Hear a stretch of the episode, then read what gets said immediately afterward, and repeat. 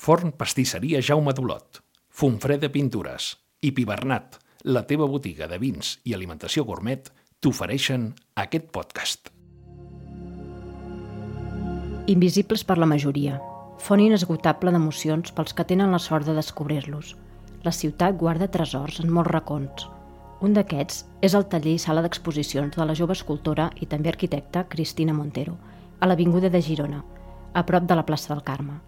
Potser hi heu passat molts cops per davant, però difícilment haureu intuït que darrere d'aquell aparador, amb les persianes abaixades, hi havia tanta vida, expressada a través del fang, de la fusta, de l'alabastre, de l'acer i de tants altres materials.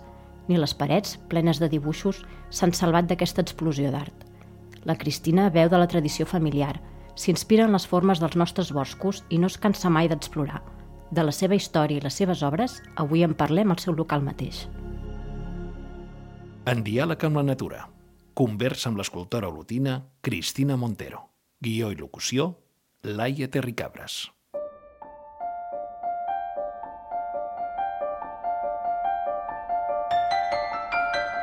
Cristina Montero, bon dia, benvinguda. Gràcies. Avui som al local on tens tant el taller com una mica de sala d'exposicions. És ple d'escultures de diferents materials, formes... Creus que per tu és una necessitat fer escultura o podries prescindir-ne? Ara mateix eh, ho trobo com una necessitat. Sí, sí que és veritat que 6-7 anys enrere, quan encara no estava ficada en aquest món laboral, mm, ho veia més potser com un hobby, que veia a casa, que estaven treballant sempre amb, amb artistes i m'agradava molt, però no, no ho veia tant com una professió. Però a dia d'avui sí que ho necessito. Què persegueixes quan crees una escultura? M'agrada buscar molt les emocions, els sentiments, eh, m'agrada apropar-me a la gent. Llavors, les meves escultures considero que transmeten eh, això, doncs, emocions i, i que són molt sensibles i m'agrada poder jugar amb, amb apropar-me a la gent i amb les emocions. Com comences el, el procés de creació d'una escultura? Quin és el primer pas? El primer pas, eh, primer de tot, és l'inspiració, o sigui, anar, anar a buscar ja amb, eh, el que em ve de gust eh, transmetre i, i que vull ensenyar i mostrar. I mm, un cop tinc clar amb, amb, què, em vull, amb què em vull enfocar, eh, començo a treballar amb, amb esbossos, amb dibuixos, eh, després, més o menys quan veig aquest procés bastant clar, me'n vaig ja amb el fang i començo a crear el volum, la peça, i, i això, o sigui, parteixo sempre de, d'un un, un primer apropament amb, amb, més, amb, amb el llapis, amb l'esbós i, i amb les mans. Ara parlaves del llapis, vol dir que sempre portes una llibreta amb un llavall, per exemple, per si hi ha un moment en què et sents més inspirada o hi ha alguna cosa que et sorprèn i la vols guardar dibuixada? Sí, sí, sí, sempre ho intento. I si no, sí que és veritat que tinc el mòbil mateix, el, el bloc de notes, tinc tot de dibuixos fets allò amb alçada, de moments que m'agafen que no, no porto res amb mi. Veiem que moltes vegades t'inspires amb elements naturals. Això vol dir que també t'agrada passejar per bosc, muntanya i i agafar idees aquí?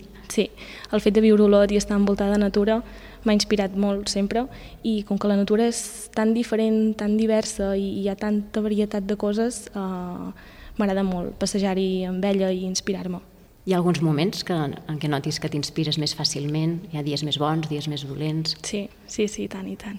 Hi ha dies que necessito estar a casa sense moure'm d'allà i, i quieta i tranquil·la pensant el, la dutxa, la dutxa em va molt bé també, molts cops per inspirar-me, però sí, m'agrada molt anar a la natura i, i passejar pels volcans i per la Fageda, sí que és molt típic la Fageda, però em va molt bé, sí, la veritat és que sí. I ho tinc ben a prop. Un cop has començat a, a veure quina és la, la idea per, de creació, eh, el material que tries també deu ser molt important, sí. perquè després condiciona com serà l'obra. Sí. Com, com tries el material? Clar, hi han formes que, per exemple, la fusta l'he treballat molt, però hi ha formes que la fusta no, no, no la puc fer perquè, o, o l'alabastre mateix, perquè necessito fer unions, necessito fer diferents peces que amb un mateix bloc de fusta no, no m'ho permet, llavors sí, o sigui, un cop tinc pensada l'idea de com serà l'escultura, eh, és molt clau saber el material. Això vol dir que t'has d'anar formant constantment per aprendre les possibilitats de cada nou material que utilitzes?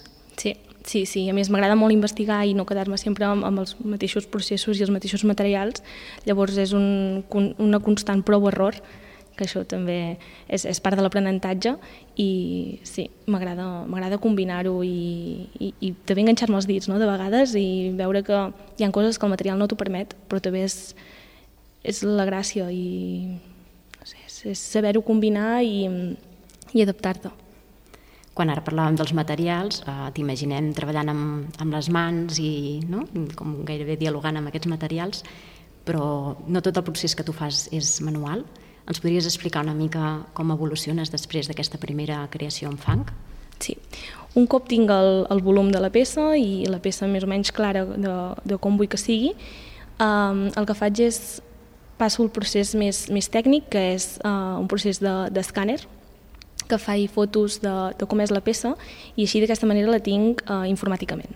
O sigui, després passo amb, amb programes informàtics que em van bé per, per saber mm, on estarà l'estabilitat de la peça, si és possible, si no, quin volum ocupa, llavors també puc saber el que, mm, el que pesa i, i això també em va molt bé per saber després el material i per poder calcular costos i, i um, la veritat és que vaig aprendre aquesta tècnica de, del meu pare que és com treballa ell, i em redueix costos i, i realment també és com una manera de, de poder crear més escultures de les que podria crear si sempre treballés només a mà, perquè és un procés més ràpid, i un cop després tinc el, la peça i, i el volum que ocupa també pensant en la dimensió que, que m'interessa, perquè jo les peces les treballo més en petit, i després el, el fet de tenir-les escanejades i poder-les manipular informàticament també em va bé per eh, escalar-les a la dimensió que m'interessi segons el, el tronc, per exemple.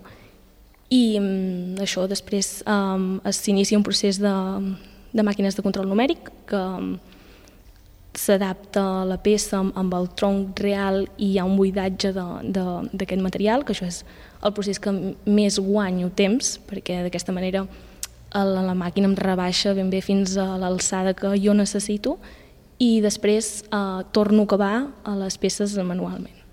O sigui, és un procés això, manual, mecànic, manual.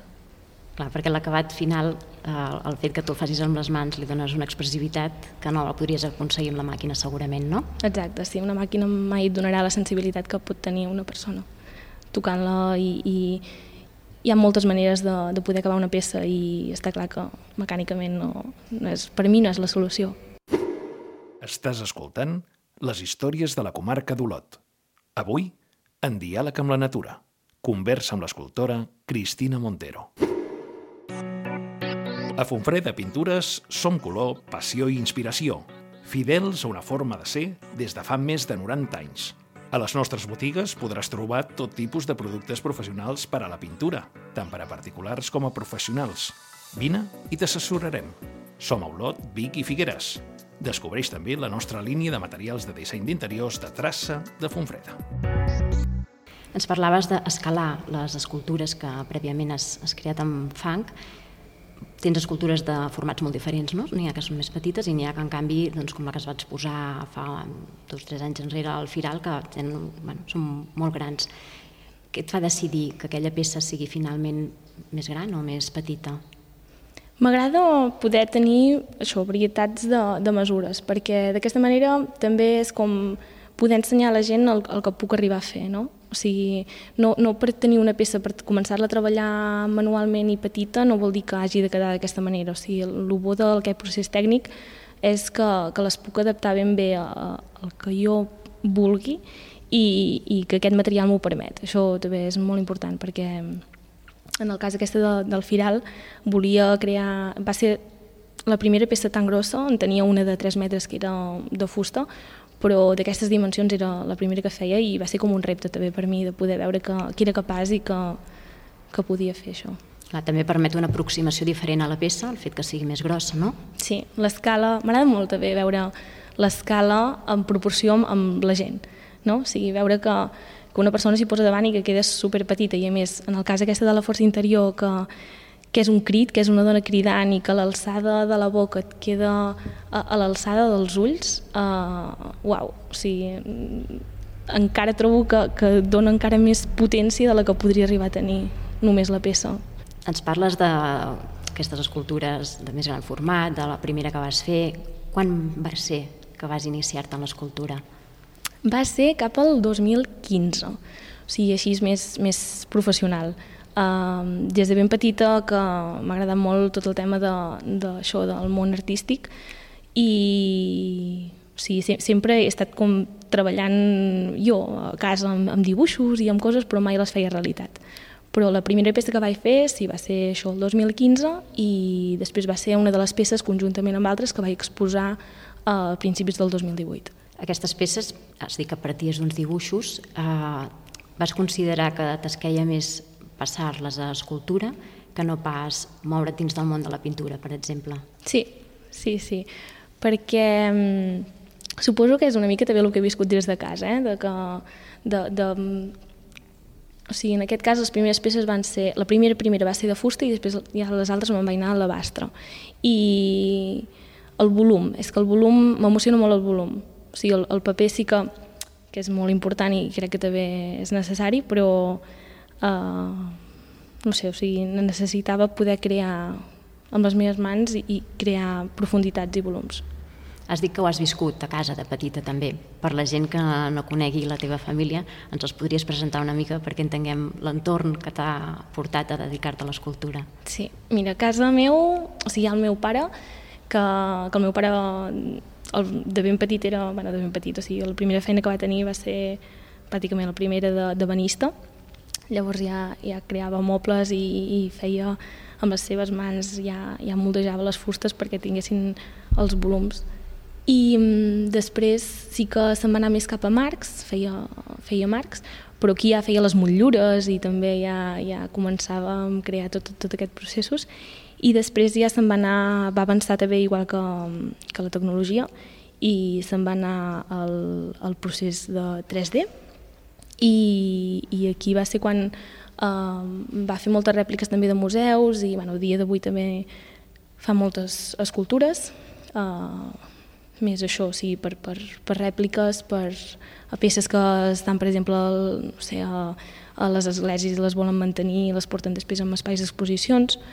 O sigui que mm, és això, des de casa sempre mm, he viscut molt el món de, de l'art, molt, molt a prop. Llavors també tinc un tiet que fa talla de fusta, fa pesebres, i amb ell també, bueno, això sí, he après moltíssim. Uh, tinc un cosí que també era artista, i llavors tota la família som, sempre diem, som uns artistes i, i això sí, ho he anat visquent molt, molt de prop i suposo que inconscientment jo ja també he anat cap a aquest camí. Ets un artista, però també ets arquitecte. Com va ser que decidissis estudiar arquitectura? Sí, mira, uh, jo ara vaig ben bé quan tenia 10 anys i recordo que quan arribava un electrodomèstic nou, per exemple, a casa, que hi havia la protecció de, del Porex, agafava això i començava a manipular-lo creant com diferents espais, però a part de crear els volums, que, que conformaven els, el, la distribució de, dels espais, els mobles i el que fos, també m'agradava pintar-ho i, i o sigui, ja, ja aquí mateix jo crec que ja començava a fusionar una mica tot el tema artístic i, i arquitectura. Però l'arquitectura sempre m'ha emocionat molt, o sigui, m'han agradat molt eh, els espais, eh, poder-los plantejar, eh, el dibuix tècnic també m'agradava moltíssim, de fet, sempre he dit això, que, que em vaig decantar cap a arquitectura també en part per, per dibuix, o sigui, no sé, m'agradava molt tot el, el tema de les perspectives, els volums i, bueno, mm, això, o sigui, l'arquitectura realment també m'emociona. I com creus que l'arquitectura t'ha influït en l'escultura? L'arquitectura, eh, clar, vaig començar amb escultura, en realitat així és més, més professional, eh, quan estava entre tercer i quart de carrera. Llavors era com la manera una mica també d'evadir-me una mica de, de la carrera i de, de la rigorositat que, que porta l'arquitectura.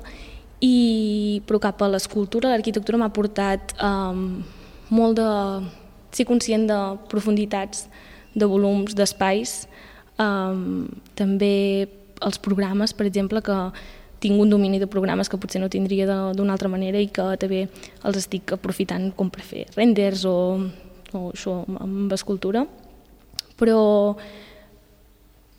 l'arquitectura també és, és molt... Uh, com ho diria? Uh, sí, és, és, és una inspiració també, o sigui, l'arquitectura, per molt que, que es creïn els espais, no, no tots seran iguals i t'has d'adaptar a, a les condicions de l'entorn, del volum, de, de tot. Llavors, eh, trobo com a escultura també, perquè no pots ficar una peça, depèn de quines dimensions, en un espai que no, no correspongui, perquè no, no seria l'adequat. Llavors, per molt que vulguis intentar tenir uns, un, o sigui, transmetre unes coses, si, si és un espai que es menja l'escultura perquè és molt petit, per exemple, no, no és l'adequat. En els dos casos, per tant, has de tenir un control de l'espai. No? Sí, exacte, sí. D'alguna manera, fer escultura també t'ha influït quan treballes com a arquitecte, per tant? Sí, sí, sí. De fet, eh, potser seria més rígida encara si no, si no fes escultura. No? L'escultura el que permet és que no sé si és la paraula, però que voleis una mica no? i que no toquis de peus a terra. I sí que és veritat que amb arquitectura de vegades es plantegen unes coses que després m'ho analitzo i dic, vale, no, no és real, però, però sí. Estàs escoltant les històries de la comarca d'Olot. Avui, en diàleg amb la natura. Conversa amb l'escultora Cristina Montero. Quan es tracta de trobar un vi interessant, bones conserves, aperitius o licors, convé anar al lloc que toca. Pibernat, la teva botiga de vins i alimentació gourmet. Ens trobaràs al carrer Mestre Torina 79, al polígon de les Tries d'Olot, i també a pibernat.es. Estem parlant d'arquitectura, eh, escultura. Pel que fa a l'escultura, quins referents has tingut a part de la família?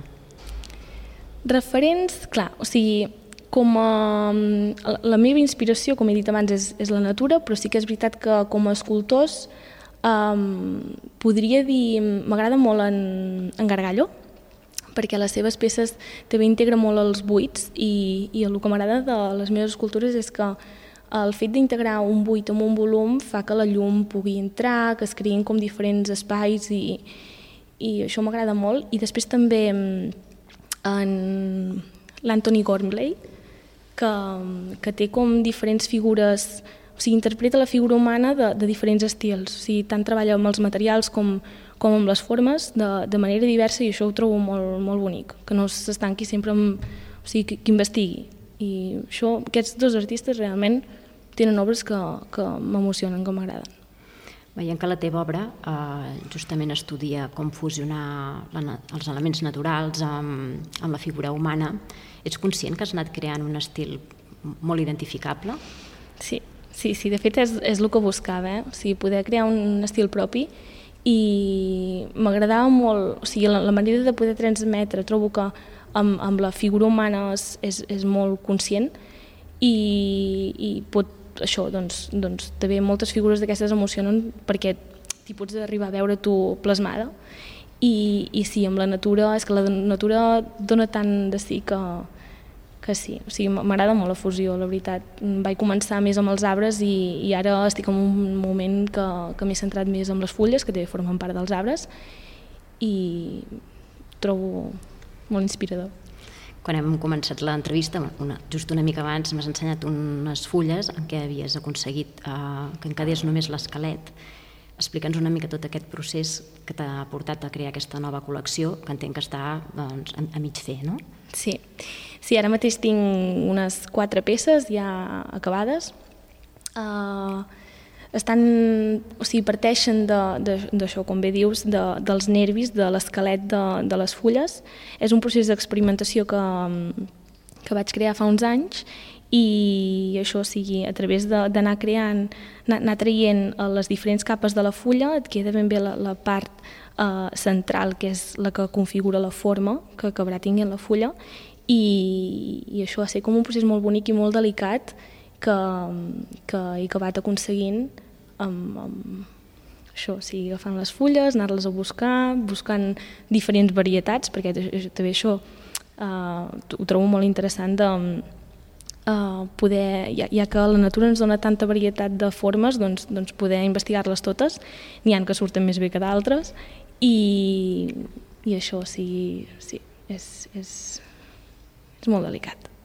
Tens les fulles, l'esquelet, però després has de triar uns materials per reproduir el que tu has vist a la natura. Com vas triar en aquest cas els materials? L'esquelet, com que mm, de la fulla és, o sigui, quan, quan tu veus una fulla el, el que t'hi fixes més potser és amb el color sempre, no? amb el color i la forma. Llavors, eh, el que volia amb, amb, amb aquestes figures era que, que l'esquelet, o sigui, el nervi, fos l'element principal. Llavors, el, el que vaig escollir va ser l'acer inoxidable perquè et permet que el material brilli. O sigui, és un, un material que ja de per si sol eh, hi té bastant de, de protagonisme, trobo, i per molt que després combini els, els espais buits d'aquí de, dels esquelets amb, amb altres materials, eh, sí que el que acaba destacant més és, és el nervi, que és el nervi central aquest fet amb, amb acer inoxidable, i el que em anava molt bé també amb aquest material és que eh, pot arribar-se a fer molt i molt i molt prim perquè pugui adaptar-se als diferents gruixos que pot arribar a tenir aquest esquelet. O sigui, l'eix central i els laterals són més gruixuts igual que una fulla i llavors les diferents branquetes o els nervis petitets que van sortint són més primets. Aquesta col·lecció de que estem parlant ara es diu fotosíntesi i algú potser ja n'haurà vist alguna peça exposada a Vallviva, per exemple, l'estiu passat.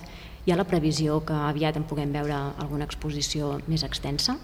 Sí, uh, ara mateix estic en un procés de, de creació, sí, estic ben bé uh, acabant de, d'adaptar-me a materials i, i a, a formes, però sí, tinc pensat uh, poder fer més exposicions i ara això, estic, uh, estic en un moment encara més creatiu i, i més centrada en això i més endavant, més endavant ho faré. És fàcil entrar dins el món de les galeries i poder hi portar les teves peces? Bueno, de vegades és una mica complicat. O sigui, sí que mm, és veritat que mm, no és tant la meva prioritat ara mateix, perquè és això, sí, entre arquitectura i escultura tampoc um, tinc el temps com per, per poder dedicar-me a buscar galeries, però sí que, sí que tinc persones que, que estan interessades i, i és molt bonic també veure que, que, que et valoren i que confien en tu. Però sí, les galeries, bueno, també és, és normal que, mm, que artistes que, que ara o sigui, que, que comencen i bueno, que costa de, de primeres que confien una mica en tu, però, però un cop veuen el material i veuen la, bueno, el material, les, les figures i veuen com són, jo crec que elles mateixes ja demostren que, que estan molt ben fetes i, i que transmeten molt. Estàs escoltant les històries de la comarca d'Olot. Avui, en diàleg amb la natura. Conversa amb l'escultora Cristina Montero. Forn Pastisseria Jaume, al carrer Sant Ferriol d'Olot. Coques, tortells, amb ingredients de primera qualitat i respectant les receptes més artesanals.